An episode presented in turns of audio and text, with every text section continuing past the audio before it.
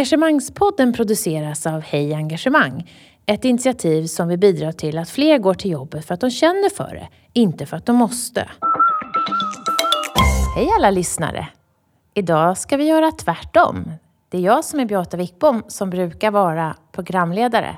Men idag är det min tur att bli intervjuad så jag lämnar över programledarskapet till Niklas Delmar, en av medgrundarna till Hej Engagemang.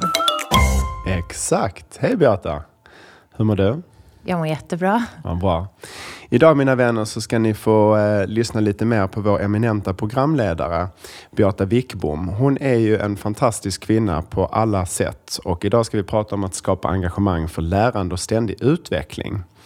Beata, hjärtligt välkommen hit. Du är ju digital folkbildare, talare och inspiratör, eh, rådgivare, medgrundare av Hej Digitalt och sen då givetvis vår ordinarie programledare här i Engagemangspodden.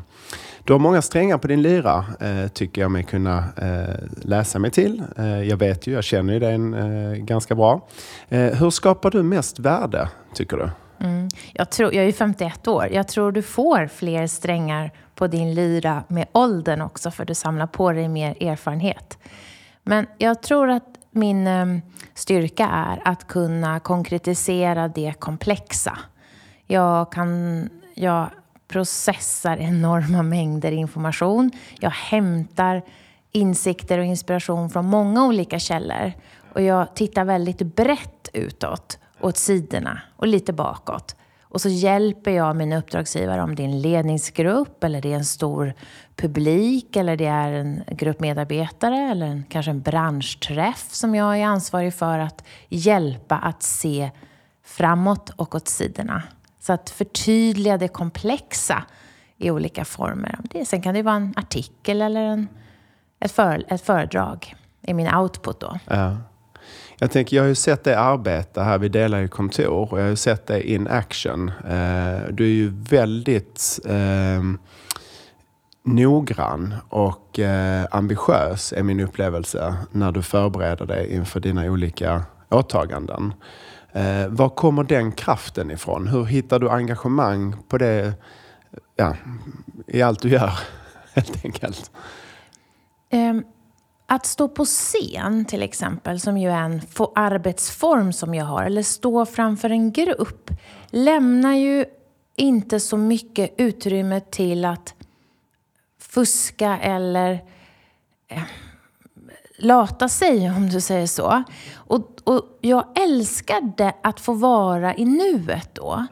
Och jag kan bara vara precis där och då fullt närvarande om jag har gjort ett väldigt noga Eh, för, förberedande arbete. Och jag måste landa i mina insikter och mina tankar för att det ska kunna bli rådgivning. Annars blir det som att jag läser till bara. Och det måste levereras med en, en känsla och en entusiasm och en, ett engagemang. Och är jag då lite oförberedd eller lite nervös så märks det väldigt väl, att det blir mer fyrkantigt, det engagerar inte mitt, min publik lika mycket, mina mottagare lika mycket. Så det har jag insett genom årens lopp, att vara förberedd är det mest glädjefulla sättet för mig att få vara i nuet. Det är det som skapar utrymme för dig att sen vara kreativ och in, liksom kunna intuitiv när saker och ting händer under själva genomförandet låter det som. Ja, och det har jag nog upptäckt väldigt mycket i den här podden. Jag har ju gjort över 70 intervjuer nu. För er som lyssnar första gången så finns ju de på Engagemangspodden där poddar finns. Alla möjliga människor. Om jag inte har förberett mitt manus väl och gjort min research då kan jag inte lyssna på vad våra gäster säger. Utan då måste jag sitta och titta ner och tänka vad kommer härnäst? Oj, oj, oj. Och det blir absolut inte lika kul för mig och det blir absolut inte lika värdefullt resultat heller. För jag, jag bara bockar av nästa fråga, nästa fråga. Då blir det Så, mer som ett liksom, jag förstår. Och våga stanna ett tag och höra vad sa personen egentligen? Det är då mitt lärande också sker. Vi kommer ju komma in på lärande, men om jag ska lära mig av mig själv och i interaktionen så måste jag vara vidöppen i leveransen.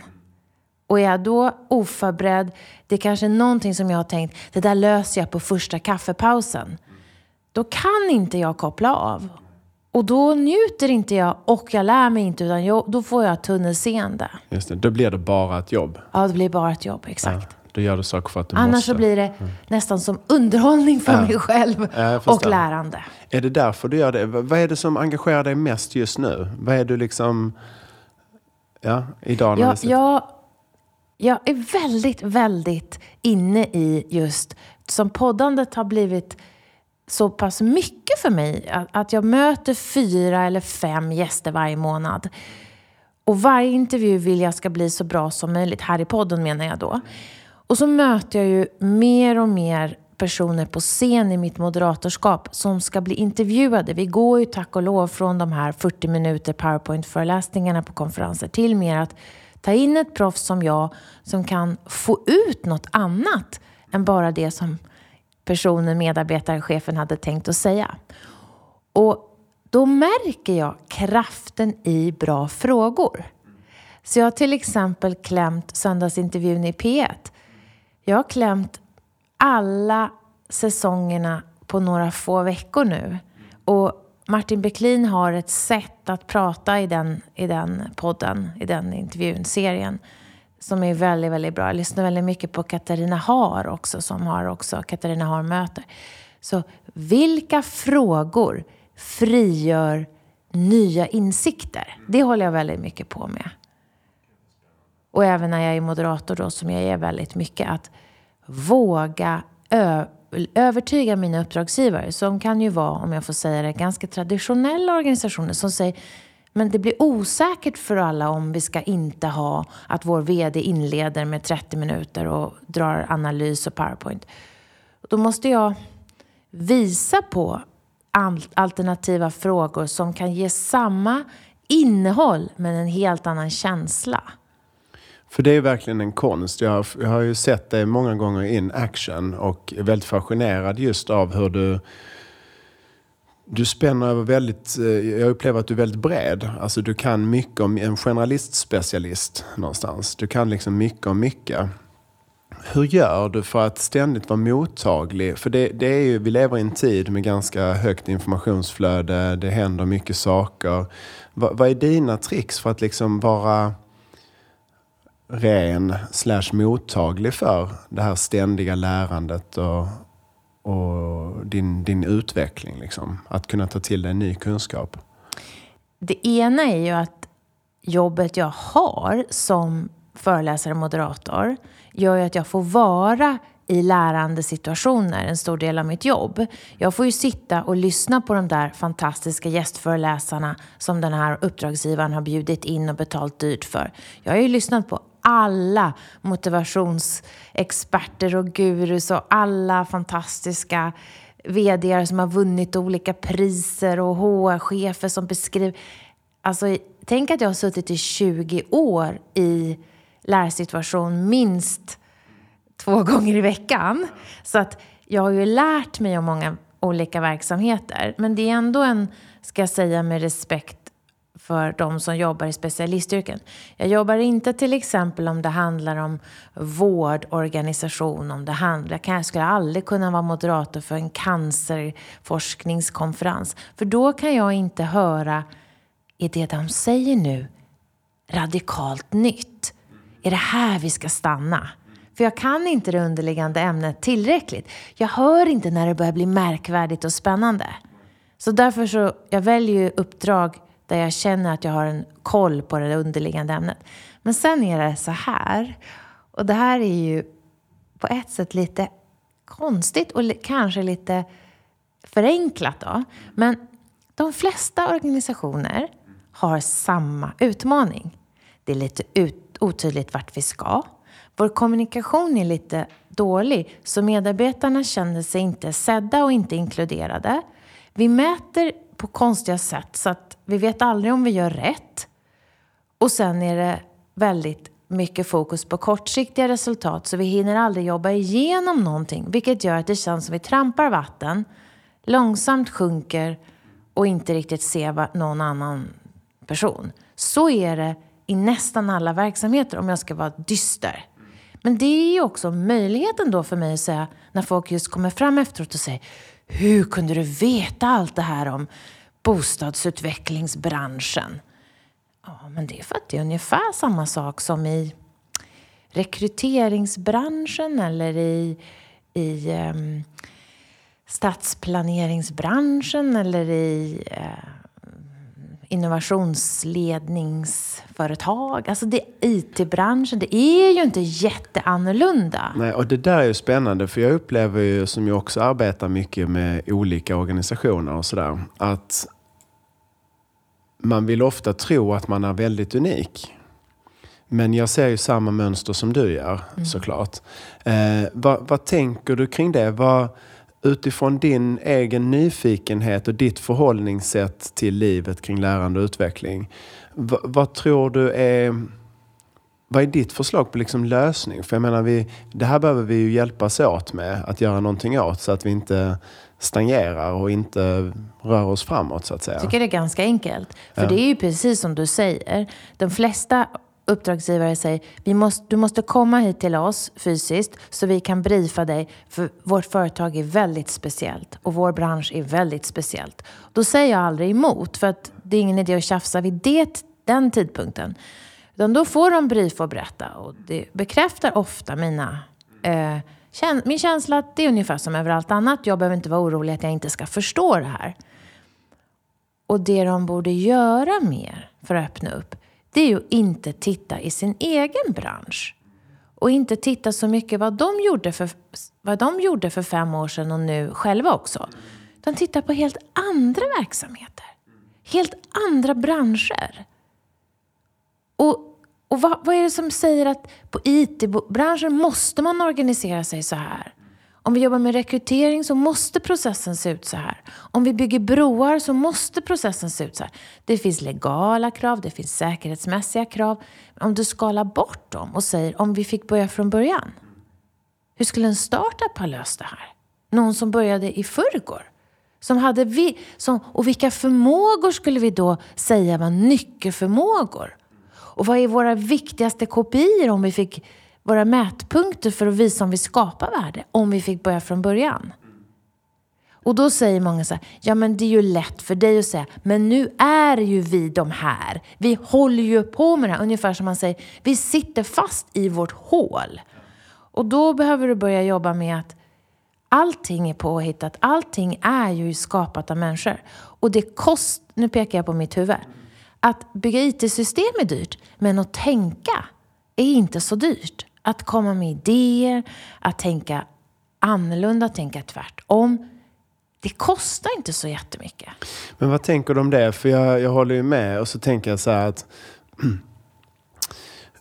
jag tror att du möter väl sällan motstånd när du ändå, även om du säger så här, de flesta säger att jo men nu är det ju så här och vi är en sån här organisation. Men, men det är klart att eh, eh, är, är förklaringen att man har för kortsiktigt fokus ofta då? Att man inte skapar sig tid för Alltså att man inte tar sig tid eller man, det finns ingen struktur för de här tänkarstugorna när du pekade det på huvudet. Liksom. För det handlar ju då om att sätta sig ner och börja tänka nytt att, och titta i andra branscher. Jag kan tänka mig att det är många som då känner Usch, jag har ju fullt upp med liksom det jag ska göra i mitt dagliga. Hur ska jag skapa tid för att eh, sätta mig in i en annan bransch och så vidare? Det är två saker där. Mm. Det ena tror jag är att om jag ska gå till den underliggande, underliggande känslan så är det rädsla. Rädsla att inte veta hur ska vi då jobba? Det jag kan, blir jag på något sätt nybörjare då? Och det jag kan blir bli lite obsolet. Och vad ska jag då ens göra? Och, och blir det så att vi ska gå på glödande kol och, och skriva allting på post-it-lappar? Alltså, jag, det är väldigt få människor som gillar det okända. Så då måste, tänker jag, att må, um, lösningen är ju inte att lägga det nya tänkandet i en separat process. Utan designa varenda befintlig aktivitet på nytt sätt. Vi säger ett veckomöte har väldigt många organisationer av någon form, eller månadsmöte. Varför ska det börja 8.00 och först ska alla gå till kaffemaskinen och sen ska några komma lite för sent och sen är det lite otydligt när det egentligen börjar. Och sen är det en dragning. Nu har alla som mest energi, då ska de sitta tysta och lyssna på en dragning. Och sen så säger man nu öppnar vi upp och då finns det ganska lite tid kvar. Nu är jag väldigt kritisk här, men det är ganska vanligt att man säger ja men hur skulle det annars se ut? Ja, det kan väl faktiskt se ut hur som helst. Man skulle ju kunna gå stillsamt runt i ett rum medan man pratade för att se hur rörelse påverkar hjärnan. Ja, men vi måste faktiskt visa bilder. Ja, men då behöver inte varje måndagsmöte eller veckomöte se likadant ut. Var åttonde gång kanske ni tar ett gående möte. Var åttonde gång kanske ni skippar att ha overhead och kaffe. Och så tar ni kaffe för att fira att ni är klar. Alltså förstår du? Det finns så många som är såna, som är vanemänniskor och tror att, att det är så här. Så var inte så flummig, för så här ser möten ut. Men då menar jag att det är där du designar lärandet. För att om du då tänker, vad ska vi ha det här veckomötet till? Ja, veckomötet ska vi ha för att skapa engagemang, för att skapa samsyn, för att fira segrar, för att fira slitet, som du brukar säga. För att lära känna varann. För att kanske njuta av att vi är bra. Alltså, det finns ju massa grejer. Finns det inte olika format för det då? Jo, kan inte vi tillsammans då designa det formatet? För då börjar vi också fundera på vad är det vi vill ha ut? Vad får vi inte ut idag? Och då, då har vi något att hänga upp det här på. För att vi kan inte lägga det här i andra processer. För att det här lärandet, det här nej, nyfikenhet, nyfikna utforskandet. Det är inte en separat grej liksom, utan Nej. det ska byggas in. Och då kan man också säga, är det, kan, kan alla vara med i det här? Ja, alla kan i alla fall ha en åsikt om och en tanke kring vad skulle vara värdefullt för mig att få med? Har jag upplevt det i något annat sammanhang? Ja, på min judoklubb har vi ett väldigt bra sätt att välkomna nya till exempel. Eller vi har ett jättebra sätt att fokusera. Om vi inte var så, så, så, så Eh, inne i spåret att det här är faktiskt arbete och här håller vi inte på och leker.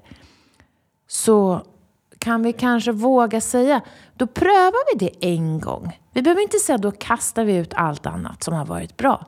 Vi prövar, vi kollar. Blir det, blir det lite pajigt och inte så bra, då säger vi okej, okay, Kanske säger vi vi misslyckades med det, eller så säger vi där lärde vi oss något. Så där funkar inte för oss, för att det skapar bara otrygghet. Eller så säger vi det var för att vi inte gjorde det här också som det inte blev bra. Låt oss pröva en gång till. Men då måste det finnas en trygghet i gruppen att det här är som vi kommer göra alltid. Vi kommer aldrig bli klara med det här. Vi kommer ut, utarbeta nya format för måndagsmöten, för veckomöten, för lördagsmöten eller nattmöten eller vad det blir. Vi kanske en gång om året börjar klockan fem på eftermiddagen och slutar ett på natten. Nu har jag respekt för de verksamheter som är schemalagda i skolor eller på sjukhus, man sitter i en kundtjänst. Men vi kanske någon gång kan ta en tid och se eller en gång lyssnade jag på en jätterolig kreativitetsforskare som sa “Strange things happen late at night”. och han var liksom inne på att om vi byter de timmarna som vi brukar göra någonting ja. på så inte solen går upp på samma sätt och det blir kallt ja. vid samma tid. Så det blir lite nytt. Men Kanske det också är, något händer. Det här är jättespännande för att du var inne på det. Du pratade om eh, rädslor. Du pratade om vad händer med oss vuxna när vi då kanske upplever att vi är nybörjare. Eh, och min upplevelse är att vi tycker inte om att vara rädda och vi är inte så förtjusta i att vara nybörjare. Men vi lever ju i en tid av en högre förändringstakt än någonsin. Eh, vad möter du när du är ute i organisationer i det här området? En hög förändringstakt, en rädsla att vara nybörjare, vilket ju, jag tänker, hänger ihop då. Liksom. Hur, hur, hur, ska vi, hur bemöter vi detta? Jag, mö, jag möter exakt det du beskriver. Och då tänker jag att tryggheten sitter i arbetssättet. Och arbetssättet är nyckeln. Jag älskar ordet arbetssätt. För i arbetssätt finns tydlighet, samhörighet. Vi har tänkt ut hur ska vi jobba. För jag tänker på att i många yrken så får du väldigt gedigen introduktion till hur ska du, om du är maskinoperatör, inte går du in och börjar experimentera lite med den här roboten och se hur den ska funka och den här svarven och liksom, nej, jag kör på. Men i, det vill säga white collar workers, för många av oss som jobbar i tjänstemän och vi är liksom idéutvecklare och vi håller inte på med någon hårdvara. Vi får väldigt lite introduk introduktion ofta till vad har vi för arbetssätt. Men vi gör så som vi tror. All, de flesta har ju gott uppsåt. Jag har ju aldrig, nästan träffat någon som är, inte har gott uppsåt. Så de flesta vill ju att det ska bli bra. Men om inte jag vet hur du gör och jag vet inte hur de andra gör, då måste jag göra, då blir jag väldigt trött för jag måste liksom göra mitt och så måste jag förklara vad jag har gjort så att du ska se in i mitt. Men om jag har tydligare arbetssätt, då kan jag lita på processen. Och det har jag lärt mig väldigt mycket från Hyper Island där jag undervisat i många år. Lita på processen. Och lita på arbetssättet skulle jag kunna säga var liksom lite samma sak. Att har vi utvecklat ett arbetssätt, och det utvecklas hela tiden också, det är inte heller statiskt, så att vi mäter hur väl ger vårt arbetssätt oss önskat resultat.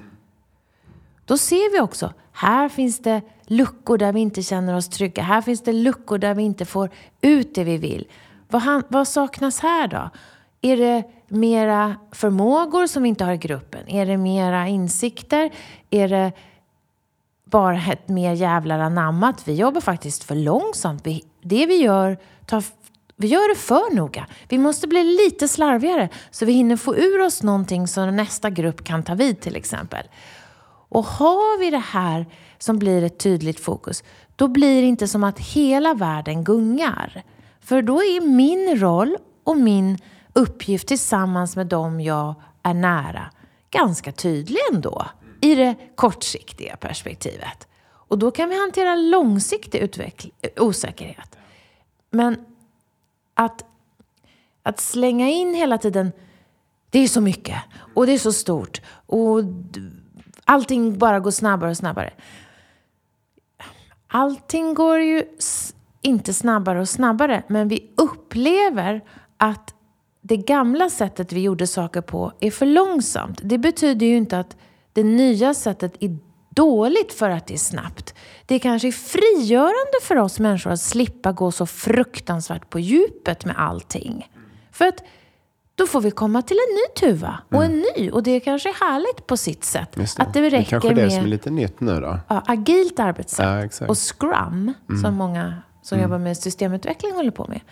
Det är ju ett sätt att inte gå på djupet och förlora veckor på ett sidospår. Utan säga, få fram någonting som är tillräckligt klart för några andra kan titta på det. Om det är en en skiss på en ny tjänst eller ett nytt inloggningssätt eller en ny portal som en ny medarbetare ska komma in till. Det, är ju, det kan ju vara vad som helst. Då kanske det finns en känsla att vad skönt, bock, check, vi gjorde det här nu. Vi rör oss inte liksom i kvicksand, vi rör oss kanske lite lite som att springa i mjuk sand som är lite jobbigare än att gå på asfalt. Men Aha. vi kommer ju framåt. Är det det du ser? För jag tänker då när du varit inne i många organisationer och jobbat så väldigt lång tid med de här frågorna. Eh, har du sett några liksom vinnande recept? Vad, vad, gör man i organisationer som har en hög grad av lärande och en, en hög liksom grad av utveckling? Och som du upplever följer med förändringstakten och har, har byggt in det här då i, i vardagen, i de vardagliga arbetssätten och processerna och sådär. Vad, vad gör de? Är det det här agila eller vad, liksom, finns det några har du några tricks, tips, tankesätt, verktyg? Jag, jag tycker att en av de absolut mest grundläggande saker som måste finnas på plats, det är ju ett tydligt varför. Varför finns vi till? Och möjligheten att för varje medarbetare få koppla koppla sig till det varföret. Så att du en dag när du är lite trött eller bakis eller har en unge som inte har sovit och inte har den, din inre motivation lika stark så ska du veta att den här dagen behöver inte jag se som bortkastad eller jag behöver inte känna mig omotiverad. För vårt högre varför finns alltid kvar. Och det att bryta ner det också sen i vad behöver vi då göra för att nå dit? Och inte ha så vansinnigt många processer.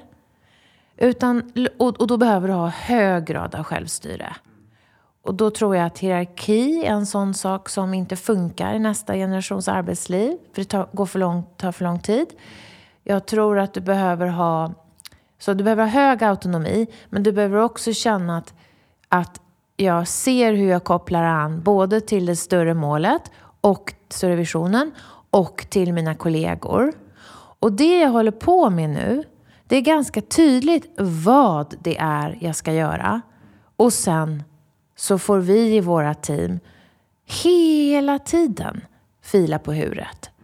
Men vi måste också ha respekt för att inte ändra saker timme för timme. För att då gissar vi för mycket. Vi måste göra det tillräckligt länge så att det liksom resultatet och, och outputen får verka. Så vi ser, och det är därför som du brukar ju prata om, och Johan Bok också, och vi har ju haft ett avsnitt om mäta kontinuerligt. Um, att, att det är så viktigt att få feedback på mitt agerande men också på hur vi rör oss framåt. Och då i de organisationerna så tycker folk oftast inte att det är för mycket. De tycker inte att det är eh, som ett enda, en enda gröt i huvudet. För de vet varför de är där. De vet vad de ska göra. De är inte fångna. De kan påverka huret. Och så känner de att de har människor runt sig som de tycker om att arbeta med. De behöver inte älska sina kollegor, men de kan Gillar älska att få jobba med mm. dem. Jag tänker, du, ehm, jag försökte fiska lite när jag frågade innan kring eh, hur du gör för att hela tiden vara vaken och i nuet och det här. Och då berättade du om lite metoder och att du förbereder dig och sådär. Men jag tänker bakom den förberedelsen, för när jag träffar dig så är du pigg, du har ofta väldigt mycket energi. Du är en eh, sån här kvinna i farten. Liksom. Du har mycket som händer, du har en agenda. Det händer mycket saker i ditt liv, är min upplevelse.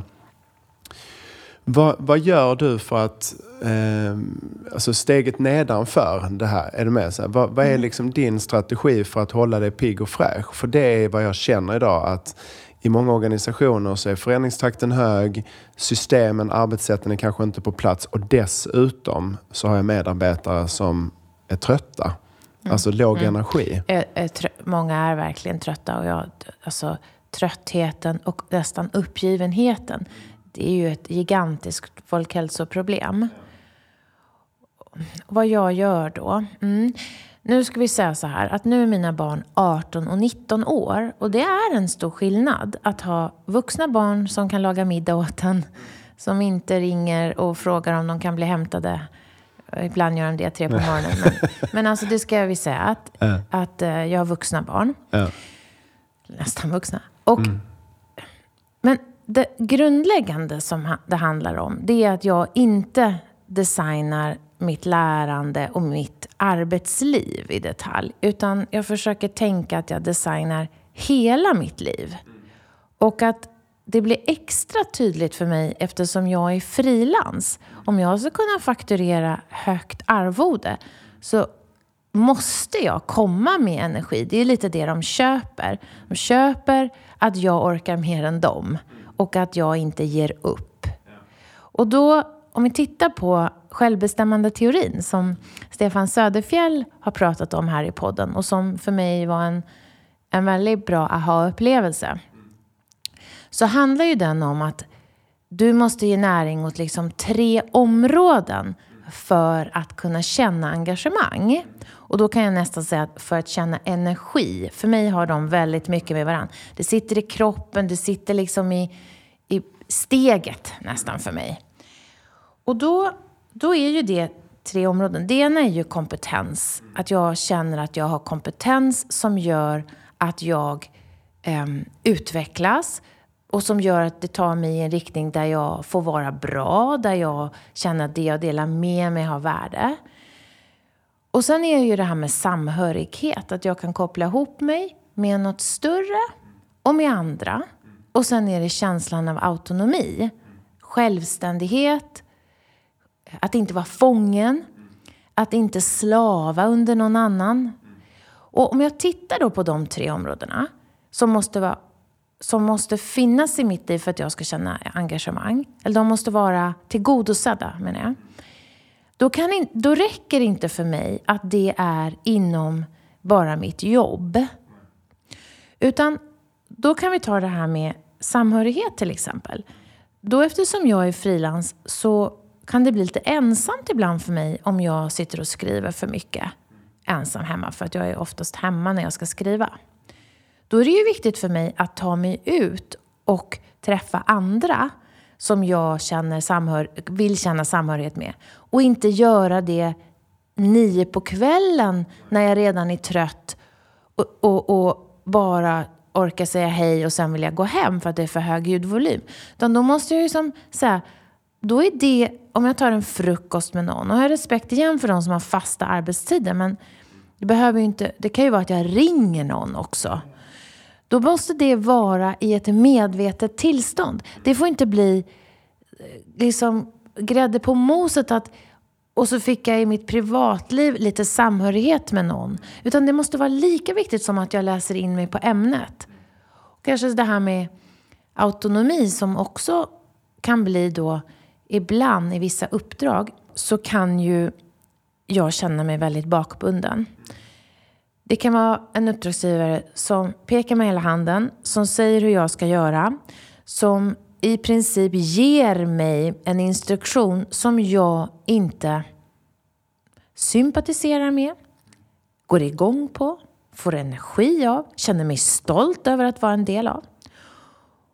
Och då kan jag faktiskt idag kompensera lite med att jag kan få känna väldigt hög autonomi i mitt privatliv. Och då säger jag att då är jag bättre, det kanske är mogenhet eller så, att jag har sett det här hända ofta. Jag vet när vi börjar resan tillsammans med den här uppdragsgivaren att de är så fast i sina gamla föreställningar att de kan inte mer just nu. Så jag kan, vara, jag kan bjussa lite på det. Och jag blir inte, jag känner mig inte förslavad av dem. Och då går jag hem och så säger, i, i, liksom knyter jag, gör ett litet finger upp i jackfickan så ingen ser. Och så går jag hem och så kanske jag ger mig ut och paddlar på eftermiddagen eller så. Och då vet ju jag att i min vecka så tittar jag. Nu ska jag vara med de där då som jag känner mig lite inomhus och lite powerpoint bakbunden. Det är lite, lite olekfullt på det här uppdraget. Då lägger jag inte in det som en räddning efteråt. Ah, nu måste jag ut härifrån. Då har jag det att se fram emot. Så blir det en balans i helheten.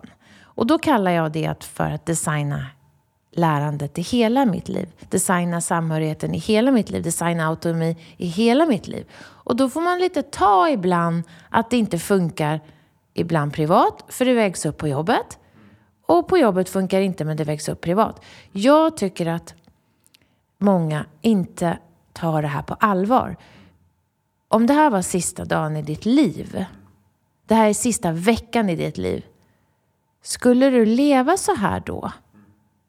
Då skulle nog många säga, nej det skulle jag inte. Varför gör du det eh, dag efter dag? Jo, men det är lätt för dig att säga och ja, men vad kan du göra? Du kanske kan göra någonting Men har det alltid dag. sett ut så Berta? Jag tänker, eh, för det här, är ju, det här är ju verkligen en folkhälsoutmaning och en, en utmaning vi har inte bara i vårt land utan i flera länder. Jag tycker det är spännande med Anders Hansen till exempel som har fått så otroligt många nedladdningar på sitt sommarprat som är fantastiskt. Men det han berättar är att vi ska sova, äta och röra på oss. Eh, och inte ha mobilen så mycket. Och vi, får ju, vi behöver påminnas om detta idag. Hur, när kom du till insikt? För du både sover, nu hittar jag på det här så mm. du får bekräfta eller dementera. Men jag hittar på att du både sover, äter och rör på dig eh, och har inte för mycket mobil. Även om du är en digital guru. Liksom. För mycket mobil har jag. Mm. Ah, okay. Så minus på den då. Mm. Men, men de andra tre eh, parametrarna ser det ut som i alla fall utifrån när man tittar att du verkligen tar hand om. Och för mig blir det grunden för att ditt system 2, om vi nu ska bli lite så här eh, nördiga i du vet, den här Daniel Kahneman-boken, Tänka ja. snabbt, tänka långsamt. Mm. Då får man inte vara trött, stressad, hungrig för att system 2 ska gå igång.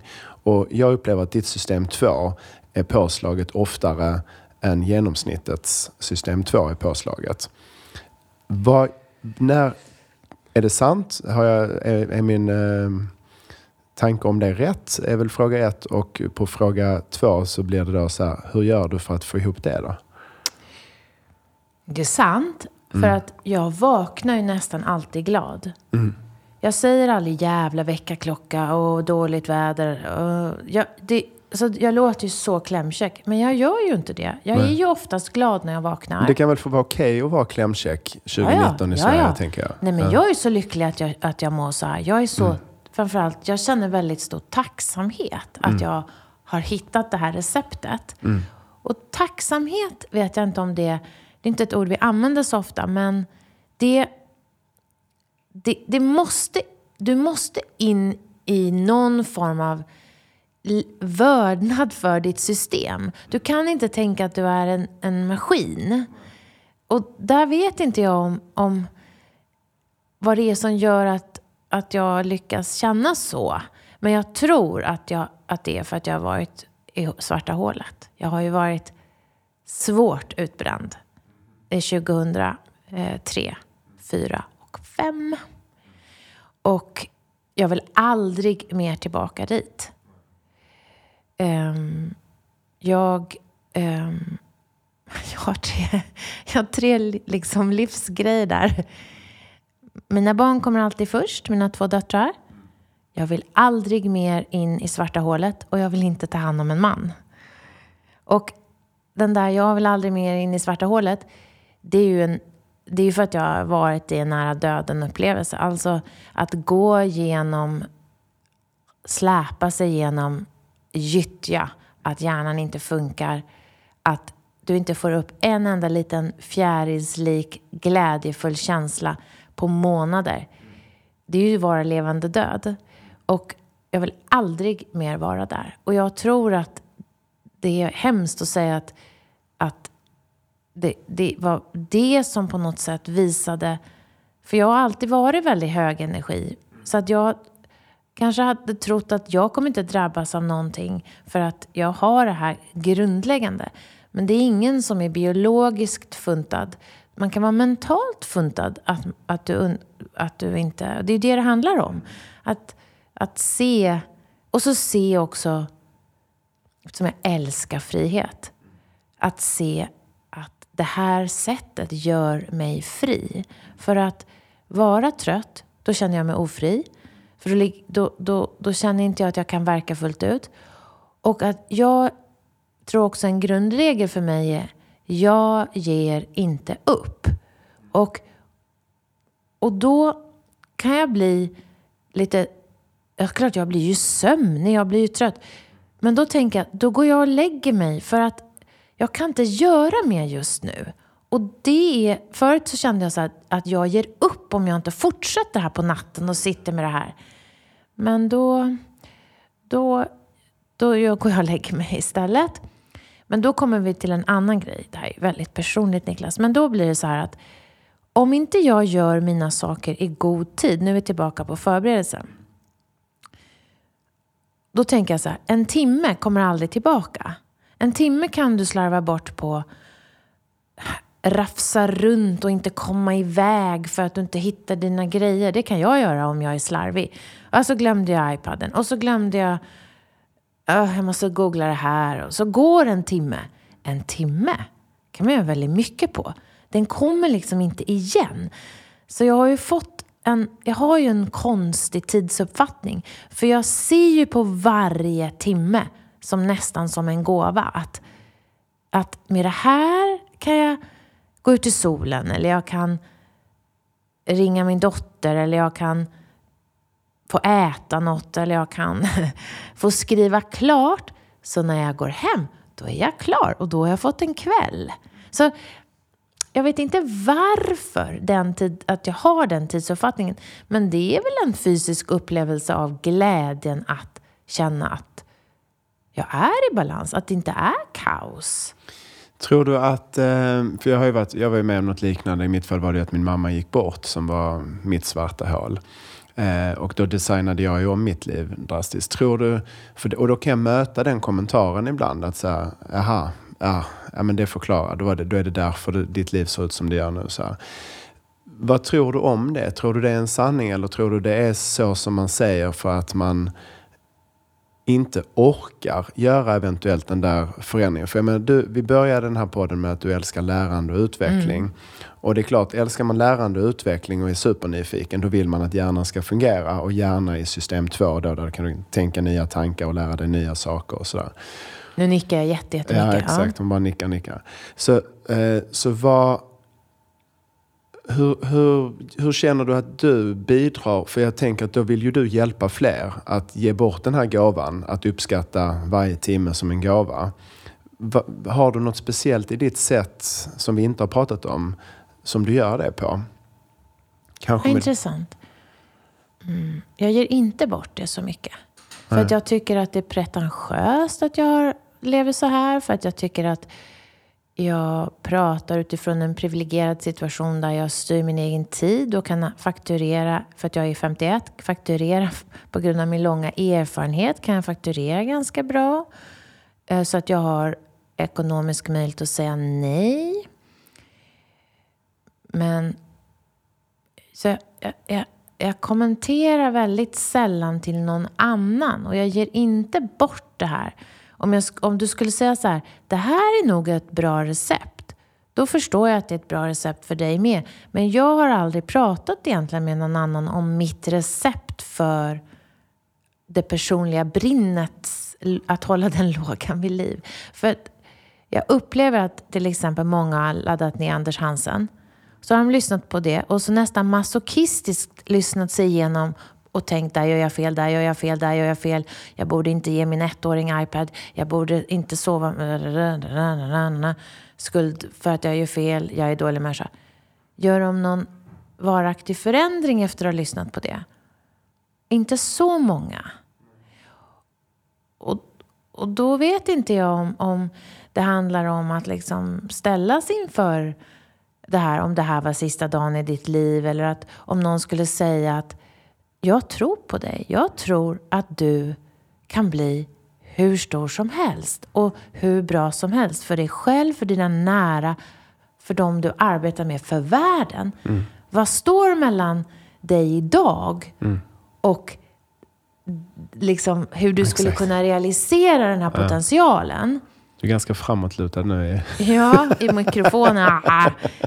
Men där kan jag ju gå tillbaka, när du sa att jag var digital folkbildare, så ser ju jag mig, alltså det är ju aspretentiöst, men jag ser ju mig som en med ett uppdrag att förändra. Och jag går tillbaka till Handels 30 år sedan. Jag startade Tjej på Handels för att det var så lite kvinnlig representation. Vi hade inga kvinnliga professorer, vi var bara 20 procent kvinnor.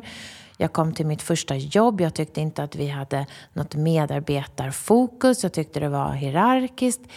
Jag kom till en bank. Jag tyckte det var, alltså det var eh, utan hjärta. Jag tyckte det var hårt. Jag ville förändra. Så förändringsviljan i mig har ju, har ju en stor... Den är ju så att jag skulle... Alltså, jag vill inte bli statsminister, men om någon skulle säga att det blir du, du måste ta det här uppdraget. Då skulle jag göra det. Alltså jag känner ju ett ansvar. Var det underliggande kommer ifrån, det vet jag inte. Men jag tar ju inte på det här på ett, med livet på lättsamt sätt. Och, det är, och därför är det här så svårt att prata om. För när någon sitter med sin mobil och deras lilla barn sitter bredvid och de har suttit så i timmar utan att prata med varandra och det skär i min kropp. Då går inte jag fram till dem och säger, vill du att jag ska ge dig några råd kring hur du kan få ett mer balanserat liv.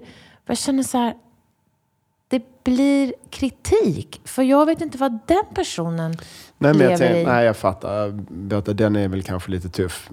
Men jag tänker att vi, vi har ju ändå liksom något systerligt, broderligt ansvar som medmänniskor att hjälpas åt, tänker jag. Att, jag menar, du har ju många som är närmare än den här personen som sitter... Du vet, hur, hur, um, hur hämtar du kraft i att, eh, för jag tänker dina barn, dina döttrar, jag har ju träffat dem båda två. Så här. Tränar du dem i det här tankesättet också? Vikten av att designa sitt eget liv utifrån vem du är och hur du mår som bäst och sådär. Alltså, du har ju hittat ett recept, tänker jag, som är generöst att dela med dig av? Jag tänker kanske att det handlar om en annan sak nu. Jag kommer på att det är så bra att bli intervjuad för du kommer, jag kommer på grejer. Men en sak som till exempel finns i mig, det är ju att jag tror ju väldigt stort om människor. Och det är ju för att jag har sett det. Jag har räknat ut att jag har träffat hundratusen människor genom mitt yrkesliv nu. I olika sammanhang. Och det jag kan göra i det lilla är ju att i ett möte, om, jag, om det är en person som är kanske chef och väldigt dominerande och berättar och talar för andra. Och då gör jag en liten rebellisk handling att jag lyfter gärna andra då. Den här personen har redan blivit lyft. Och hen har inte behov av att bre, äh, hen ska inte breda ut sig mer. Och i det kan ju jag börja lyfta andra och se att du kan gå hur långt som helst. Jag tror på dig hur långt som helst. Jag har ju haft ganska många adepter i mentorprogram genom årens lopp. De kommer ju ofta från en position till ganska snabbt till att avancera jättemycket efter vi har hängt. För att det är där någonstans det ändå börjar. Att varje människa kan göra allt. Och när vi föds så är alla lika. Alla är människor. Det finns inget som säger att den bebisen har mer inneboende förutsättningar som människa att bli något annat. Sen växer vi upp i olika förhållanden med lärare som ser oss på olika sätt, föräldrar som kanske inte bekräftar oss, om vi kanske inte ens har några föräldrar. Vi, vår utveckling påverkar oss. Men det mänskliga i oss är lika i alla. Det, det finns bara en sorts mänsklighet. Och den, att om du går bortom, jag hade svår barndom, jag hade, eh, jag hade dyslexi, jag hade ingen som trodde på mig på mitt första jobb. Då kan du ändå, om du är 32 år eller om du är 57 år, egentligen börja om nu. För att du har samma rätt att få vara fullt ut. Sen kan det kompetensmässigt bli problematiskt med, för att du kanske har under de här åren jobbat med fel grejer och du ville göra någonting annat. Ja, men då får du börja investera i lärandet. Men det är ingen som kan hindra dig från att göra det. Det är ingen som säger, du kommer inte passa som det här. Nej, men det bestämmer inte andra. Nej, och där kanske jag, ja. i den blicken på andra, i den mm. förväntningen på andra. Och där är jag tillbaka till mina barn. att jag tror att de kan bli precis vad som helst. Och att fast de bara är 18 och 19 så har de lika rätt att bli tagna på allvar. De har lika rätt att få uppleva saker för första gången utan, utan att jag tillrättalägger det så. Sen är ju jag, alltså jag, blir, jag hoppas att det här uppfattas rätt, för det låter, allting låter så präktigt, men jag gör ju det här med intentionen, inte att the light should be on me, men att, det, att jag skulle ju vilja att lampan bara sken på andra. För att jag, jag har kommit fram till att det som driver mig allra ytterst, det är ju eh, möjligheten och glädjen att få se andra växa. Det är min min, mitt kall. Då har jag nästa krok. För på det temat då, om du skulle, vi brukar ju ställa en fråga kring engagemangsminister. Den ska du få såklart som du alltid brukar ställa själv. Men först tänkte jag så här, vi, eftersom du nu gillar lärande och utveckling. Om du nu vill ge ljuset på alla andra, så låt oss prata utbildning ett tag. Vad är dina tankar kring hur kan vi bygga in det här ständiga lärandet och utveckling? Och då menar jag inte bara i utbildningssystemet fram tills man är 18. För sen så är det precis som att sen lycka till, klara dig själv liksom. Ni som är nyfikna och har energi, ni kan utbilda lite här. Du vet. Vad tänker du kring utbildning i stort eh, i samhället idag? Från vilken vinkel du vill angripa det? Om vi kallar det från början lärande, även grundutbildning och yrkesutbildning, då låter det inte lika mycket som något som vi ska få in i hjärnan och kroppen. Utan då låter det mer som en Ordet lärande låter mer som en pågående process. Och då tänker jag att, vi, att det är ju att ta in någonting, upptäcka någonting, få utforska det, praktisera det och så feedback på det så att det liksom fastnar i kroppen. Så tar du nästa loop och så loopar och loopar och loopar och bara inser att det, är ett en, det här är livet. Det finns ingenting annat. Sen om det är lära sig allt om tåg, lära sig allt om hur man gör blonda slingor på ett naturligt sätt eller lära sig allt om ledarutveckling. Det, det tar aldrig slut. Utan, och det är så det ska vara. Det är det där. Och det är så det ska vara. Och då tänker jag att fostra nyfikenheten hos sig själv och andra och att hålla nyfikenheten vid liv och hålla lusten vid liv. Den blir ju då det bästa bränslet i det här. Och därför så är det så viktigt att alla sorters lärande ska bli mer lustfyllt. Jag avskydde ju skolan. Alltså det är hemskt. Tack alla lärare som lyssnar. Tack för vad ni gjorde. Men det hjälps inte att jag från eh, sju år till 23 år aldrig tyckte att det var roligt. Och det hade med hur det var utformat, det hade med att vi var mottagare, vi var aldrig medspelare. Och jag tror att det är väldigt annorlunda. Men jag ser in i miljöer som jag tycker ser ut som för hundra år sedan. Och jag tänker att designa lärmiljöer, lärsituationer, lärandeformer och att ha många fler olika sätt. Och det, att lära barn att lära, det behövs ju knappt för de har ju sitt eget utforskande. Till exempel min ena dotter, hon fick nästan fysiskt ont i kroppen av att 40 minuters lektionen var slut så skulle man stänga igen och byta fokus. Ska börja med något nytt. Och hon var mitt i det. Och hon kunde nästan liksom gå in i trans såg det ut som. Hon var, man kunde inte prata med henne, hon satt i en annan värld. Och då passar ju inte det här henne, men ändå gjorde vi så för att det fanns inget alternativ. Och sen när du kommer in i yrkeslivet så ska ju det vara så synligt att här pågår lärande. Så att du inte undrar över varför, varför vi... Varför, eller undrar, du ska aldrig behöva säga jag vet hur det är. Utan du ska säga jag har undersökt hur det är, eller jag ska undersöka hur det är, eller vi ska undersöka hur det är och sluta gissa. Och då slipper vi tvärsäkerhet och då får vi mycket mindre av, tror jag, känslan av kan jag, kan jag inte? Ja eller nej. Det blir så binärt idag när vi också tentar och så. Klart jag vill veta att en läkare som opererar mig har gått en utbildning och klarat sina tentor. Att en chaufför som ska köra en buss kan, att en ledarutvecklare inte står och gissar och bara liksom förstör oss. Och tar de där liksom lite olika yrkena. Att en lärare har erfarenhet av en grupp 13-åringar, om vi nu skulle vara det. Men den personen behöver sen fortsätta reflektera kring Gör vi det här på bästa sätt? Kan, finns det andra sätt? också för att orka ett helt yrkesliv. För att inte bara repetera sig om och om igen. Spännande Beata. Det är kul att sitta i den här... Eh, jag har hört dig ställa så många frågor eh, genom åren och i de här poddavsnitten nu. Eh, jag tänker, är det någon fråga som jag inte har ställt till dig nu som du vill att jag ska ställa? Är det någonting som vi inte har pratat om som du känner att det här ska vi prata om idag. Jag tänker faktiskt på det här med frågor. Med, um, precis som hur mår du? Så skulle ett tillägg kunna vara, håller du på med någon bra fråga till dig själv just nu?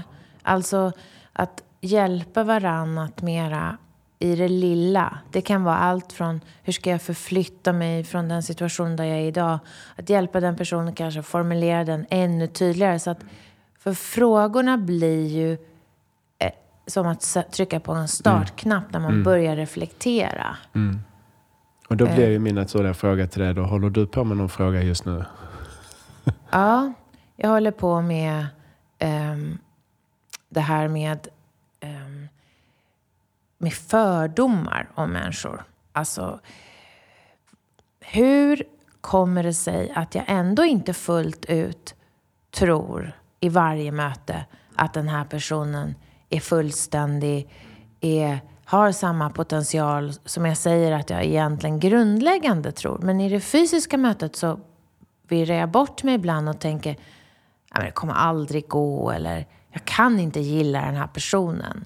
Och då håller jag på med det lite så här just nu med Vad är det för fördom? Vad, kom, vad måste jag ställa mig för fråga för att förstå vad är problemet på min sida? Ja. ja du hämtar hem det till dig själv helt enkelt? Alltid. Ja. Du kan ju inte förändra någon annan. Och då, då är ju den bästa frågan är ju den som man kan hålla på med väldigt länge. Finns det någonting som... Eh, vad, vad, känner du? Liksom, du? Det känns som du är positiv, du har en optimistisk framtidstro. Eh, du är nyfiken på livet. Varje timme är viktig och värdefull. Om du ska sia i din spåkula så här liksom. Vad kommer hända med frågan kring ständigt lärande och utvecklande? Så här? Ser vi någon stor förändring på gång? Finns det någonting? Mm. det bara... som är bra är ju att, mycket av att det är mycket ekonomi som styr vårt, vår, våra verksamheter och näringsliv. Och det gör ju att det ständiga lärandet är ju bra mycket billigare än att lägga utbildning och lärande i en separat process.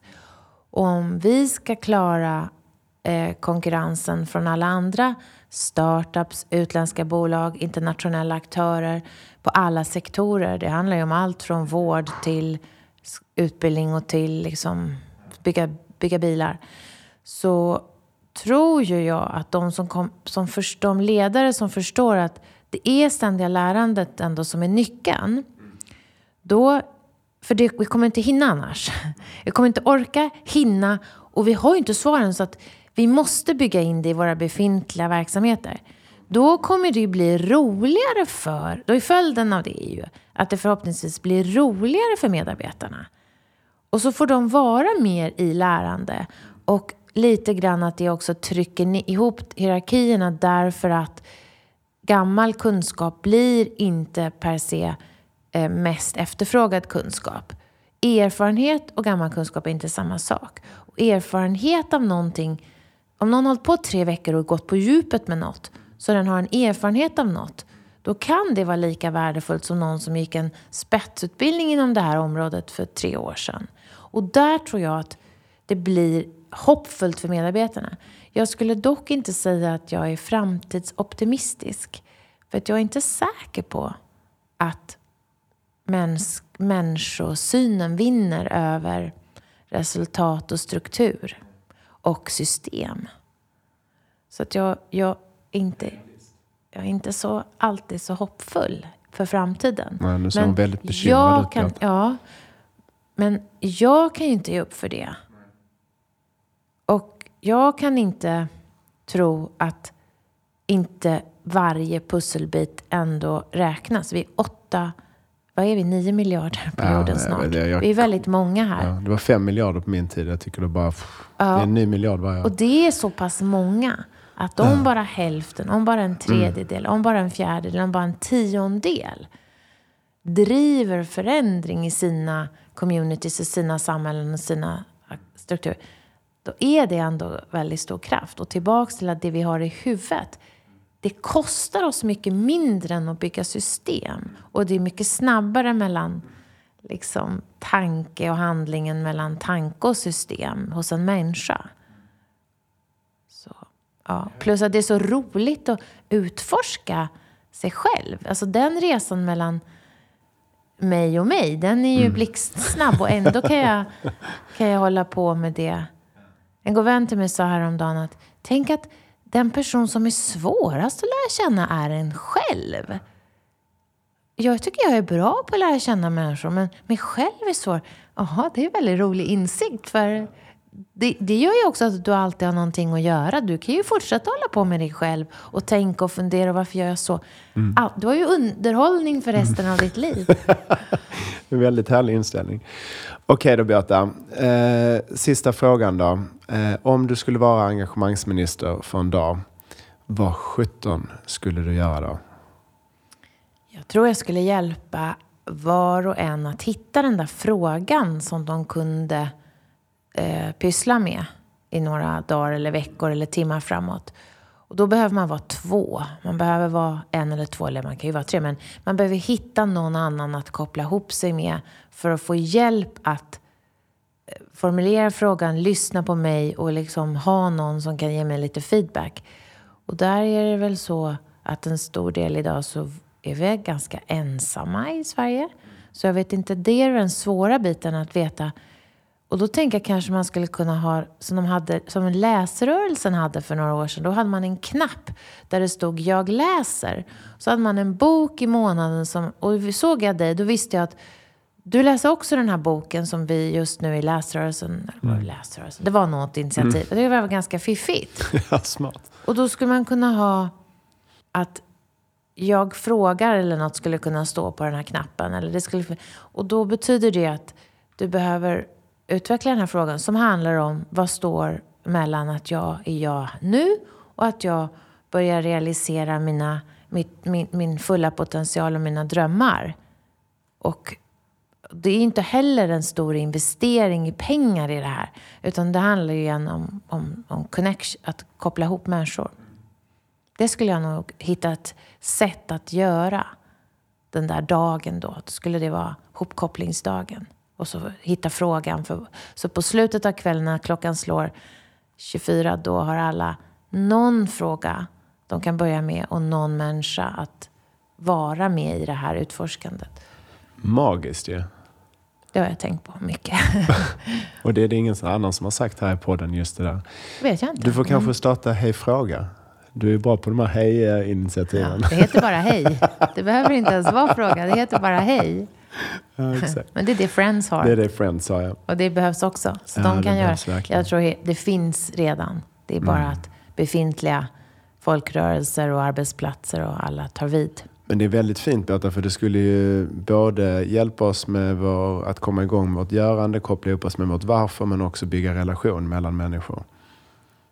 Det finaste skulle ju vara om man vågade vara med någon man inte kände. Ja. Då är det en integrationsfråga också. på tunnelbanan. Mm. Wow, nu blir det läskigt. Mm. Och så får vi vara nybörjare. Då ska det finnas tydligt format. Jättetydlig ja. frågemall som man kan titta ner med ögonen om man är blyg. Bara följa den. Du behöver inte kunna någonting på förhand. Du gör så här stegvis.